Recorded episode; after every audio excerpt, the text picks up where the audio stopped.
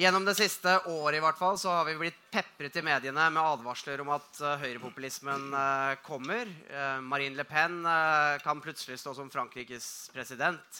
Gert Wilders kunne bli statsminister i Nederland, var det noen som mente. Det var jo ingen meningsmålinger som tydet på det, men at det ville få større oppslutning enn noen gang, var det i hvert fall mange som fryktet.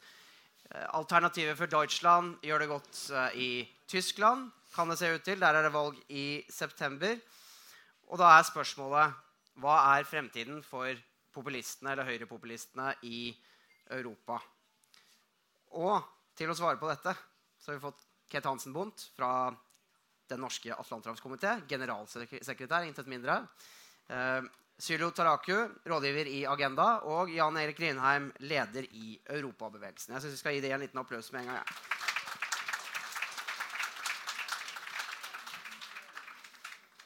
Jeg starter med følgende spørsmål til deg, Jan Erik. Hvilke følger og konsekvenser har, eh, og hvilken betydning har kveldens resultat for høyrepopulismens framtid i Europa? Det er klart Hvis Macron vinner, så, så, er det en seier for de som tror på det europeiske fellesskapet. Men det hjelper ikke hvis ikke de som tror på det, tror på det. Og det er noe med det at uh, Da blir jo fremdeles en minoritet. Vi må ikke glemme det Ved hvert valg så er det noen som vinner, og noen som taper. Og Den minoriteten kan egentlig gå inn i en enda mer sterk opposisjon i andre land også. Eh, hvis ikke de som tror på dette prosjektet, som Macron da representerer i Frankrike, virkelig sier at dette er bra for folk flest. Så det er veldig avhengig av den som vinner i kveld, eh, gjør den jobben han må, hvis det er han som vinner. Kett, for Det er derfor vi snakker mye om dette valget. Ikke bare fordi det er viktig for Frankrike, men det er viktig for Europa. Du kjenner Tyskland veldig godt. Hvilken effekt tror du dette valget kan ha på det som kommer til å skje i Tyskland for eksempel, og andre land utover eh, på, når det gjelder høyrepopulister særlig? Eh, jeg tror at uh, oppslutningen for Alternativet for Tyskland eh, er både er det nedadgående og det har hjemlige røtter. Tyskland er veldig annerledes enn Frankrike. Du har ikke tidligere i etterkrigsperioden hatt en type høyre-radikalt parti. Du har hatt noen bitte små grupperinger. Eh, men du har også et Tyskland som har 5% arbeidsledighet. Frankrike har 10 De har 20% ungdomsarbeidsledighet. Et Tyskland hvor økonomien går så det bare suser. Og du har eh, fått inn en Martin Schultz som leder for Sosialdemokratene, som har spist veldig mange stemmer av de høyreradikales oppslutning. Og dette partiet er også spesielt ved at det startet som et anti-euro-parti. Ikke et anti-EU-parti, var motstander av fellesmynten. Så ble det kuppet for to år siden av en frake P3, og det ble et anti-immigrasjonsparti. Så vet vi alle hva som skjedde i løpet av høsten 2015, hvor Angela Merkel slapp inn 900 000 flyktninger til Tyskland. Som har skapt en egen dynamikk i Tyskland. Nå igjen så har man hatt et partikupp, en lederbytte i dette partiet, som gjør at det faktisk har falt Det har nesten halvert sin oppslutning i Tyskland. Og jeg tror det er en helt annen eh, politisk scene vi ser her, og Merkel er i ferd med å øke sin oppslutning igjen. Så der uh, avisene liker å skrive 'Dette er et skjebnevalg for Europa', så ville Ket Hansen Bond sin overskrift vært 'Dette valget har ingenting å si for Tyskland'. i det hele tatt, helt interessant. Nei, fordi det er et uh, viktig valg for Europa i den forstand at den tysk-franske aksen har vært viktig for å drive EU-integrasjonen fremover i etterkrigsperioden. Og det man, uh, får man Macron Eh, så er det klart så får du en EU-vennlig eh, e eh, politiker og president i Frankrike som også ønsker økonomiske reformer. Er det noe Angela Merkel og tyskerne ønsker, så er det at Frankrike og Sør-Europa skal gjennomføre de samme liberale økonomiske reformene som Tyskland gjorde på begynnelsen av 2000-tallet. Nettopp for å stabilisere euroen og få i gang igjen hjulene i Europa, øke konkurranseevnen i Sør-Europa, skape jobber og få økonomisk vekst i Europa. Ellers er på mange måter EU-prosjektet litt sånn De leverer ikke lenger.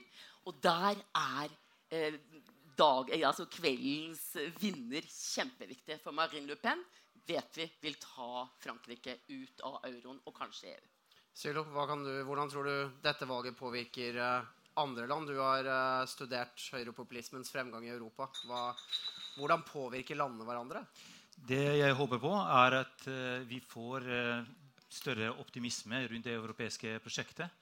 Fordi Macron ønsker å gjøre noe. Han står ikke der og bare forsvarer systemet, men han ønsker også å endre det. Eh, så, så, valget i dag er veldig viktig, eh, og alt tyder på at Macron kommer til å vinne.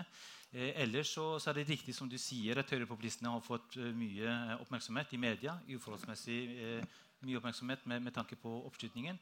Men det har vært naturlig etter Trump og, brexit. Eh, men eh, selv om de taper valgene, så kommer de til å ha stor innflytelse i politikken. Eh, selvsagt. De kommer til å prege debattene både om EU og innvandring og nasjonal identitet i lang tid fremover. Og det lurer jeg litt på, for om ca. 40 minutter så kommer prognosene basert på ganske stor, altså stor andel av stemmene i Frankrike til å komme på skjermene her. Etter alt å dømme så er det Marine Le Pen som taper det valget. Og Man kan jo si mye om det å tape, og da vil ikke hun styre Frankrike de neste fem årene. Men jeg mener Tyskland tapte også første verdenskrig, men de kom jo noe jævlig tilbake i andre. Eh, altså, det jeg tenker på er da Vi har vel ikke Vi, har vel ikke, eh, vi er ikke ferdig med dette problemet.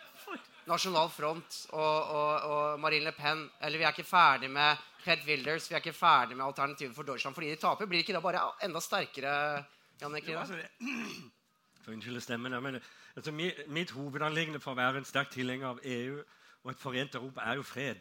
Og det er jo det Vi glemmer Vi glemmer jo at uh, Europa er et sted med nasjonalstaters krig. Meningsløst absurde kriger hvor unge mennesker blir sendt ut for å drepe hverandre. Fullstendig absurd. Nå sendes de ut på studentprogrammer i Europa, og, og, vi har fått en helt ny politisk orden som Macron da ønsker å videreføre, som Marine Le Pen ønsker å ødelegge.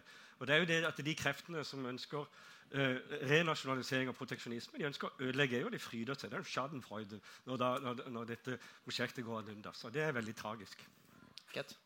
Jeg tror Noe av det som jeg synes var veldig interessant med valget i Frankrike, var at begge de statsbærende partiene, eller alle de statsbærende partiene er ute av presidentvalget. Dette er også en bevegelse bak Macron som har sittet der i ett år. Eh, der ikke trenede politikere er ikke en del av det bestående. Og så har du Marine Le Pen, som selvsagt har vært der hele tiden. Men dette er på en måte noe helt annet som er imot det bestående politiske systemet. Og det tror jeg ikke vi blir kvitt. Altså Velgerne forsvinner jo ikke selv om Macron vinner i kveld. Eh, jeg tror kanskje Noe av det viktigste er parlamentsvalget i juni. Hvilken støtte får de bak seg til å gjennomføre sin politikk? Og er det Macron? Hva, hvor mange får han med seg til å gjennomføre en liberalistisk økonomisk politikk som han mener er måten å skape nye arbeidsplasser og møte en globalisert og robotisert verden på? Men som mange andre ikke mener er det. Eh, for disse velgerne vil jo sitte der da, og utøve en dom om fem år.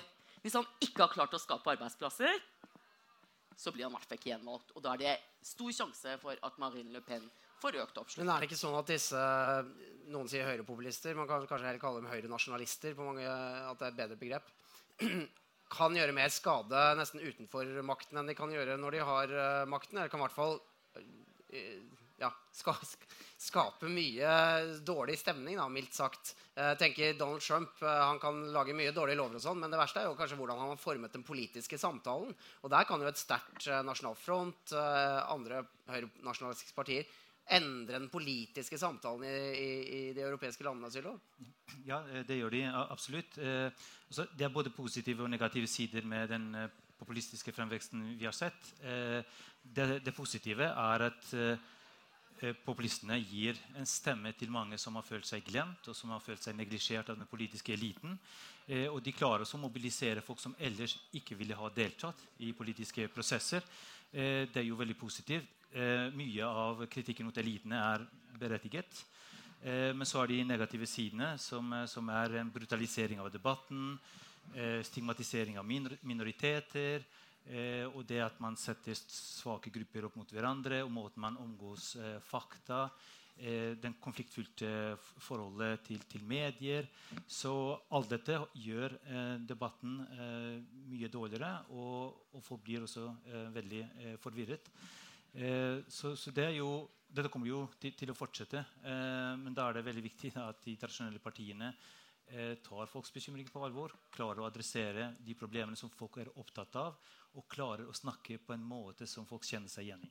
Men det ser ikke ut som de er i stand til, for det må jo en kandidat som Macron til for å hamle opp med, med Le Pen i Frankrike. Ser vi, ser vi lignende svar på eh, populistiske bevegelser andre steder i Europa? Jan Erik? Det er noen som sammenligner Gahr Støre med Macron. så det kan jo være at vi ser det også her. Um, altså, jeg er ikke så veldig glad i det ordet populisme. eller begrep. Altså, det, det, er jo et begrep innenfor partistudier. Det er en merkelapp på spesielle typer politiske partier. Men det brukes jo av den politiske eliten som en veldig nedsettende term for uh, vanlige folks uh, frykt. Og stemmer, uh, stemmer de da til ekstrempartier. Og jeg syns vi skal ha respekt for de som stemmer på partier av den grunnen. For politikk handler tross alt om å ta seg av alle i et samfunn. Et samfunn skal være til for de som trenger det mest, og ikke de som trenger det minst. Og Der er jo noe av den elitepolitikken du ser, ikke minst i Frankrike, som er ekstremt institusjonalisert. Også når det gjelder fagforeninger. og alt, altså Hele det franske samfunnet er ekstremt hierarkisk. Og det er klart Der er det en opposisjon mot eh, de politiske eh, fagforeningspolitiske eliter osv. Det må vi ta på alvor. Det må vi forstå. Og Hvis vi ikke forstår det, så forstår vi ikke politikken. Men den type kandidater som Macron er, ser vi, den, ser vi de vokse opp andre steder som et svar på, på uh, høyrenasjonalismen, nettopp fordi de tradisjonelle partiene ikke er i stand til å, til å svare på det? Ja, altså, jeg holder akkurat på å avslutte en uh en bok om eh, sosialdemokrati. Da. Eh, og det, det viser, altså, Sosialdemokrati går jo veldig sterkt tilbake. Eh, og det er klart det kommer alternativer. Men, men vi så jo det med, med Schrøder. Du nevnte jo Schrøders Agenda 2010 og, Hartz 4 osv. Schrøder og Blair moderniserte sosialdemokratiet. Og det kan jo være Macron, som, som Reino også var inne på, er i ferd med å modernisere den sentrum-venstre-delen av politikken. Eh, og Det var et svært rom i fransk politikk som Reino sa, som da egentlig ingen tok. Men det er vel der han kanskje prøver å komme seg inn. Eh, og det tror jeg absolutt du har. Du vil få en modernisering, en, en eh, reprogressivifisering av sosialdemokratiet, der Europa kanskje blir hjelp, et hjelpemiddel. Men det er vanskelig å si. Kett. Det interessante er jo å se at de høyre-radikale partiene de er jo ikke ikke, altså De er nasjonalistiske, de er proteksjonistiske. Men når det gjelder velferdsstaten, så er det jo høyst sosialt utjevnende. Altså De ønsker en sterk velferdsstat og en omfordelende mekanisme. Vi kan ikke glemme at hele globaliseringen som har pågått de siste 15-20 årene, brakt 500 millioner kinesere ut av fattigdom. Fantastisk hvis du sitter i Asia. Den har hatt kostnader i Europa. Og det er grupper som faller utenfor i våre samfunn. Og man har fått forskjell mellom stater innenfor EU. Altså Sør-Europa og Nord-Europa, hvor veksten er i nord, ikke i sør. Og innad i stater mellom fattige og rike. Og det er klart at Når de har prøvd og prøvd, de ansvarlige partiene, så til slutt så tenker de spiller ikke så stor rolle.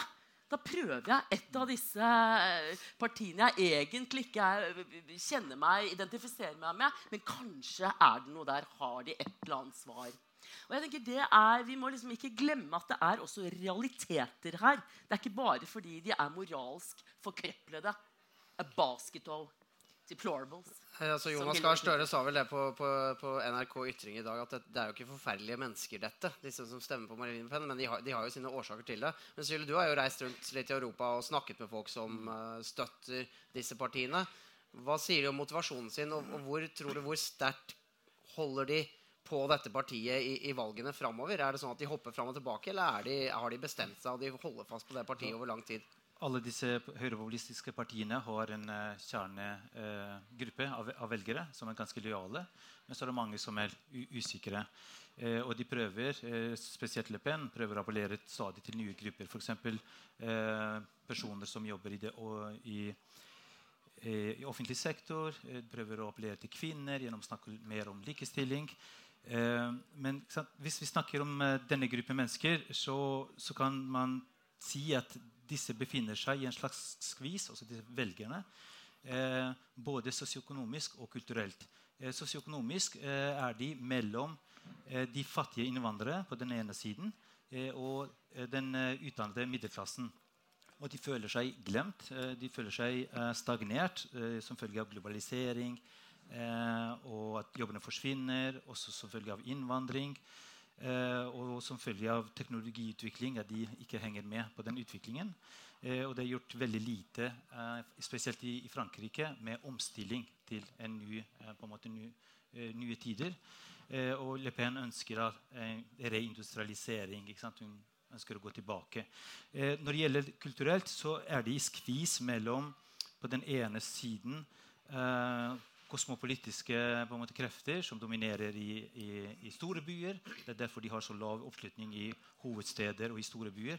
Og de mer konservative altså, I skvis mellom de og eh, muslimene eh, på den andre siden. Så De føler seg presset fra alle kanter eh, og ønsker eh, politikere som vektlegger nasjonal identitet i større grad, og som vektlegger de tradisjonelle verdiene. Men denne gruppen er sånn ca. 30 Eh, av befolkningen. Og så må det sies at de som er innvandringsskeptiske, de er ofte større gruppe enn de som stemmer på høyrepopulistene.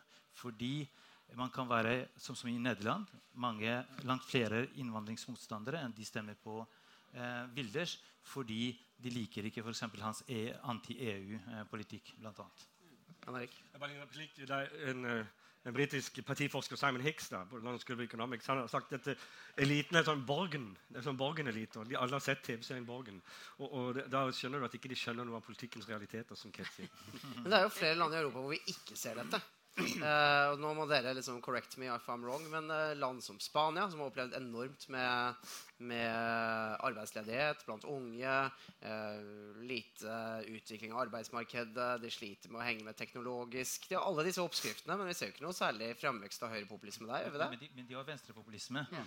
mens i Frankrike og de har, ikke, de har, ikke, de samme problemene med innvandring, islam og, og som de samme debattene som andre vesteuropeiske land har. Og det du sa når det gjelder eh, eh eller det du sa med altså, Kombinasjonen av venstresidepolitikk altså velferdspolitikk med verdikonservatisme er også interessant. FRB, FRP, med andre ord. Altså, det, det, det, man gjør Disse partiene eh, gjør dette i programmene sine, men hvis du ser på hva de har stemt, så har de ikke stemt eh, venstre Deres stemmegivning har ikke vært venstreorientert alltid, og deres velgere har ofte plasserer seg eller i liten grad plasserer seg på venstresiden. Så det har, også, eh, det har veldig mye med, med, verdier å gjøre.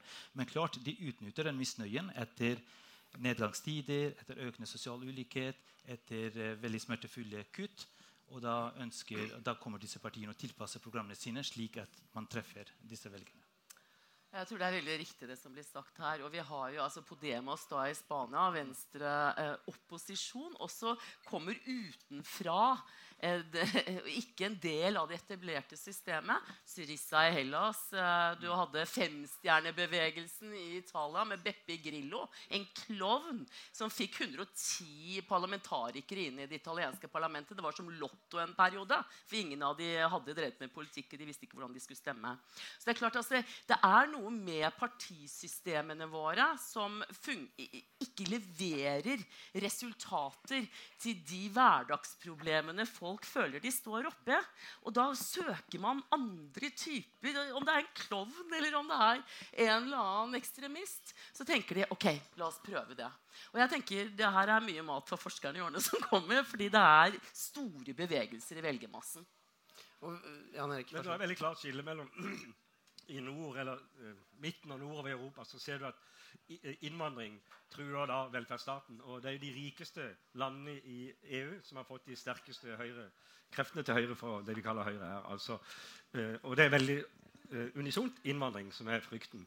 I Syd-Europa er det helt riktig Syriza, Podemos osv. Er jo, alle uh, går på økonomi, og, og de venstrebevegelsene er også for EU. Mens venstrebevegelsen i nord er mot EU.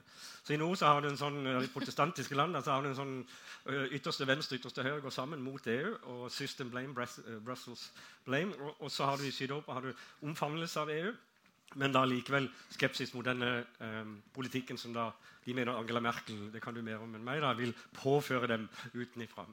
Så det er veldig stor forskjell i yttergående partier på venstre og høyre og hvorfor de, eh, folk stemmer som de gjør. Det er så utrolig deilig med akademikere som kan lage et system ut av alt kaoset for oss. Ja, sånn er det i nord, og sånn er det i syd. og det er derfor og derfor. Men uh, hvilke andre land blir det spennende å følge nå det neste året eller uh, to framover når det gjelder dette fenomenet med høyrenasjonalisme og populisme generelt? Jan Erik? Det landet her er jo veldig spennende til høsten. Men jeg frykter jo at det kommer til å bli en ekstremt nasjonalistisk valgkamp. Og da er det vel ikke overraskende at du eh, Det hinter litt til et parti som har en sånn firkløver i, i Nei, ja, det er ikke bare de. Det er, jo, det er, jo, egentlig bare Høyre som fremdeles sier klart og tydelig ja til EU. Arbeiderpartiet er feiget ut. Og så sier Venstre og Kristelig Folkeparti ja til EØS. Og så har de andre feiget ut. Og så vil Frp har jo nå nylig sagt at de vil ha en uh, reforhandling av EØS, for de vil ha bort den frie bevegelsen. Så alle her er hjertelig velkommen som medlemmer i Europabevegelsen. Jeg så kan melde på her borte etterpå. Men, men selv ikke velgerne i Høyre sier ja til EU. Det er 70% motstand mot EU i Norge. Men det interessante i Norge er jo at vi har jo på en måte den høyre eh, Kall det radikal eller populistisk eller hva som helst eh, partiet i regjering. I en ansvarlig posisjon. Derfor går disse stemmene til kanskje et parti med firkløver eller andre typer som har en opposisjonsstemme, om det er ulv eller om det er andre ting. Vi har litt spesielle saker. Vi snakker om i Europa, så er det liksom store underskudd. Og denne, her er det ulv. Liksom. Det er litt annerledes i Norge. Ja, men jeg en, en, en, en høytstående ja. bankmann en kveld jeg har kjent igjen i mange år. og Han, han, han avslørte at han var mot EU, og han hadde også sett ulven i øynene. Så han kobla de to.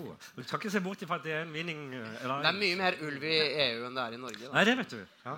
Men, men, du spurte, eh, du spurte uh, hvilke land bør man følge med i tiden fremover. Jeg har bare lyst til å nevne, altså Det er valg i Tyskland 24.9. Det er et valg i Tyskland i kveld også, i Schleswig-Holstein. En delstat med 2,3 millioner innbyggere. Og Schleswig-Holstein-valgvaken ligger rundt hjørnet på, på en liten tysk kneipe her borte. Bare... Og neste helg i Nord-Vestfalen, og der bor det 18 millioner mennesker, så du skal ikke kimse av delstatene. Men jeg tror utviklingen i Tyskland som vi jo snakket om, er litt annerledes men ser du litt øst for Tyskland, Polen, Ungarn altså De nye medlemslandene som kom med i EU fra 2004, der er det en veldig skummel politisk utvikling. Om vi kan kalle det for høyrepopulisme, eller om vi kan kalle det for uh, En revitalisert nasjonalisme. Ja, revitalisert nasjonalisme autoritær lederstil og et illegitimt uh, politisk system som jo lederne sier de er for.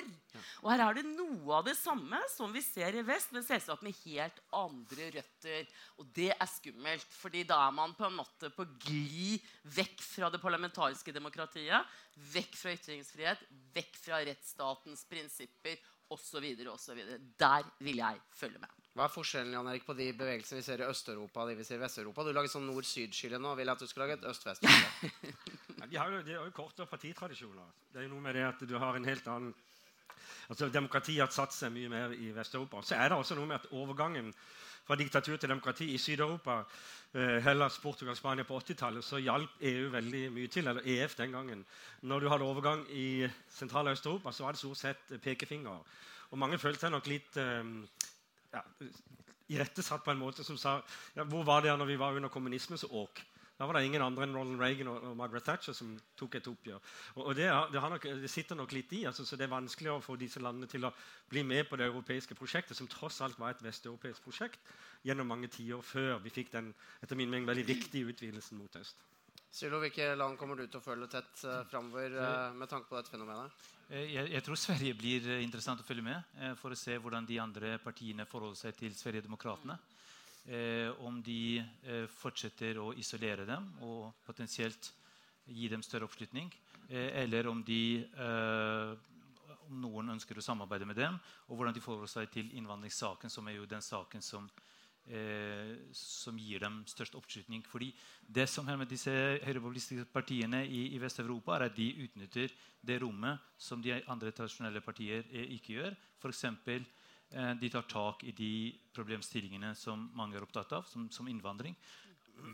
Hvis de etablerte partiene eh, altså ikke tar tak i disse problemstillingene, så vil Sverigedemokraterna gjøre det veldig bra. Ellers så følger jeg litt med på på det som skjer på Balkan. og Jeg skal neste uke i Makedonia. Der er situasjonen veldig alvorlig. Eh, og hvis, hvis, det er fare for krig et eller annet sted i Europa nå, så er det Makedonia. Veldig sterk splittelse både mellom venstresiden og høyresiden. Så har de en etnisk komponent eh, der som gjør situasjonen eksplosivt. Man har hatt regjeringskrise siden desember. En høyrepopulistisk leder, eh, Nikola Gruevski, som ikke gir fra seg makten. Siden Makedonia er et lite land, så har ikke høyrepopulismen der fått uh, oppmerksomhet. Men uh, han har eh, beveget seg i veldig autoritær retning, som, som, er veldig skremmende. Og de kunne se hvor farlig det var å velge en etnisk albaner som leder for parlamentet. Det Ja, og det, Dette også viser noe om eh, EUs standing. Altså det at, disse, eh, at eh, tidligere østeuropeiske land eh, eh, går i autoritær retning og har også noe med svekkelsen av Brussel å gjøre. For Før så kunne Brussel sette noen betingelser, kunne komme true med sanksjoner osv. Men nå har man ikke så stor respekt.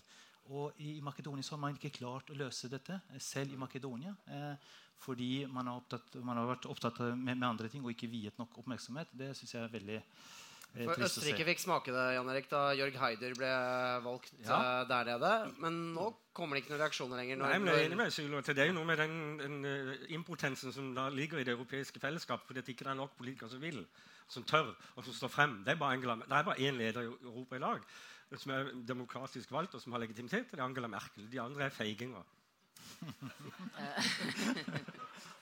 Nei, men uh, ja, Angela Merkel er på turné rundt omkring i verden. Jeg leste Det Spiegel i dag, og der står det 'Weltkanslerin'. Oi. Da har hun blitt verdenskansler.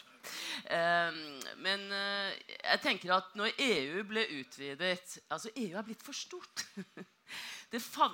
også brannfakkel! Brannfakkel. Nei, altså jeg er enig i at tanken bak en utvidelse av EU var veldig god. Og vi ser at det har gått mye bedre med de landene som ble inkludert i EU fra 2004 av, enn de som ble liggende i en gråsone mellom Europa og Russland. For så hadde Polen og Ukraina samme bruttonasjonalprodukt i eh, 1990. I dag så har Polen en tredjedel større eh, bruttonasjonalprodukt. ikke sant? Eh, men på den annen side så er EU blitt veldig stort. Og det å tro at man skal ha én politikk, en økonomisk politikk, en sosial politikk, en immigrasjonspolitikk Altså alt sånn one size fit all, sånn T-skjorte som vi trer på oss, eh, det tror ikke jeg noe på. Derav er jo også nå EU i ferd med å skjønne at de må reformere seg. Altså Man må få til en eller annen type, om ikke i flere hastigheter, integrasjon. Det er ikke nødvendigvis at man skal ha samme mål engang, men at man skal ha ulike grupperinger som samarbeider. Eh, fordi man ikke klarer å få til felles politikk for ni, eh, 28 medlemsland. 29 medlemsland. Et også dem-Europa, Jan Erik. Ja, altså det er Er jo det eh, USA, altså Forskjellen mellom Mississippi og California er som Hellas og Tyskland. Og det går jo utmerket bra i USA. Så hvorfor ikke skal kunne Ja, ha det én er kanskje Altså, Hvorfor ikke skal kunne ha én eh, valuta og ett forsvar, ett politi i Europa? Klart det går.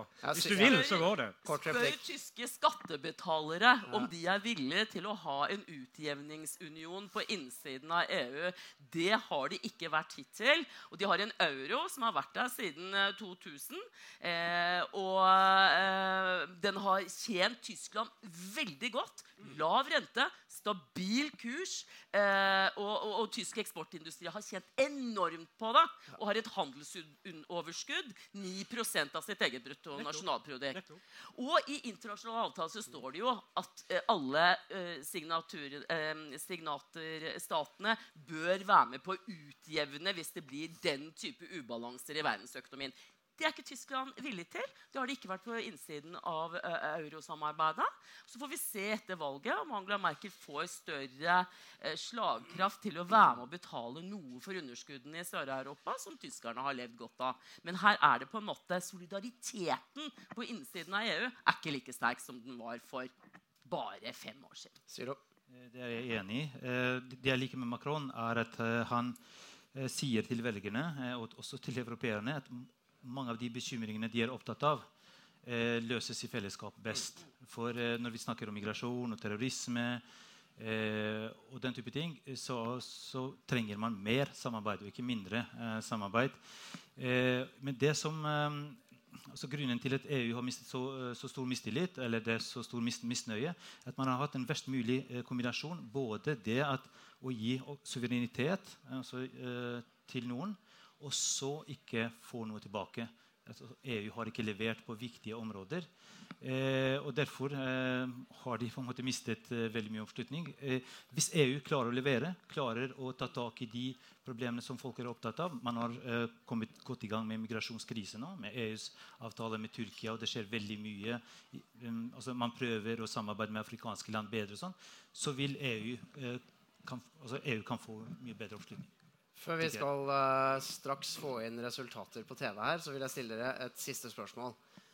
Er uh, hva skal jeg si, frykten for høyrepopulismen i Europa overdrevent? Er det noe som passer mediene veldig veldig godt, og dermed så har vi fått et inntrykk av at det er en større trussel enn det det faktisk er? Og Jeg skal begynne med Kate Hansen Bondt, og så går vi den veien.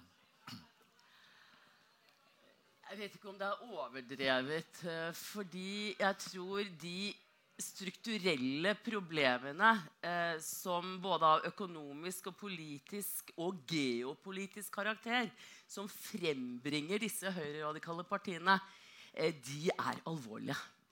Og de må på en måte europeiske politikere ta på alvor. Man må kunne klare å skape jobber, få til en konkurransedyktig, høyteknologisk økonomi. Eh, og man må kanskje også se på den gamle type politiske partier. Svarer de på befolkningens følte eh, behov og utfordringer og problemer? Så derav tror jeg ikke det er overdrevet. Men den der fokuseringen på Marine Le Pen som en sånn fransk liten djevel på AFD i Tyskland, så nå kommer nazistene tilbake altså, Det mener jeg er overdrevet. Og det er for å selge aviser. Og det er egentlig tuftet på en del kunnskapsløshet. Ser du?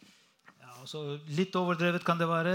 Eh, med tanke på at når de kommer til makten så, og samarbeider med andre, så har de har de en tendens til å eh, moderere seg. Men, eh, men eh, vi må være bekymret over debatten. For vi må ikke bare se på resultatene av valg, men hvilken innflytelse, hvordan de påvirker debatten, splittelsene, og hvordan man omtaler minoritetene og alt, alt det der. Pluss de negative konsekvensene når det gjelder internasjonalt samarbeid. Eh, også, eh, En ting som kanskje underkommuniseres, er koblingene til eh, Russland og, og, Putin. Disse sympatiene med autoritære ledere ute. Eh, den illojaliteten som mange viser, er veldig skremmende. Det er Interessant kombinasjon med ja. nasjonalisme og, og, det å elske Putin. Men uh, uansett, Jan Erik, er, du, er, det, er det overdrevet? Ja, altså, jeg har akkurat ledet et prosjekt i Civita konkurrenten til Agenda her. det må jeg få sagt det. Hvor vi har sett på, vi har saumfart Senterpartiets forslag til eh, program. Og så har vi saumfart har fire stykker som har jobbet med saumfart den politiske debatten. Det er klart, Uten media så hadde ikke Trygve Slagsvold Vedum vært noen ting. Er en flink og hyggelig kar. altså. Partiet er et helt annet parti enn det vi får inntrykk av. Anhenger Landstein i 1994 akkurat sammen. Så det er klart Media hauser opp eh, popstjerner i politikken på en måte som er helt uh, uten sidestykke.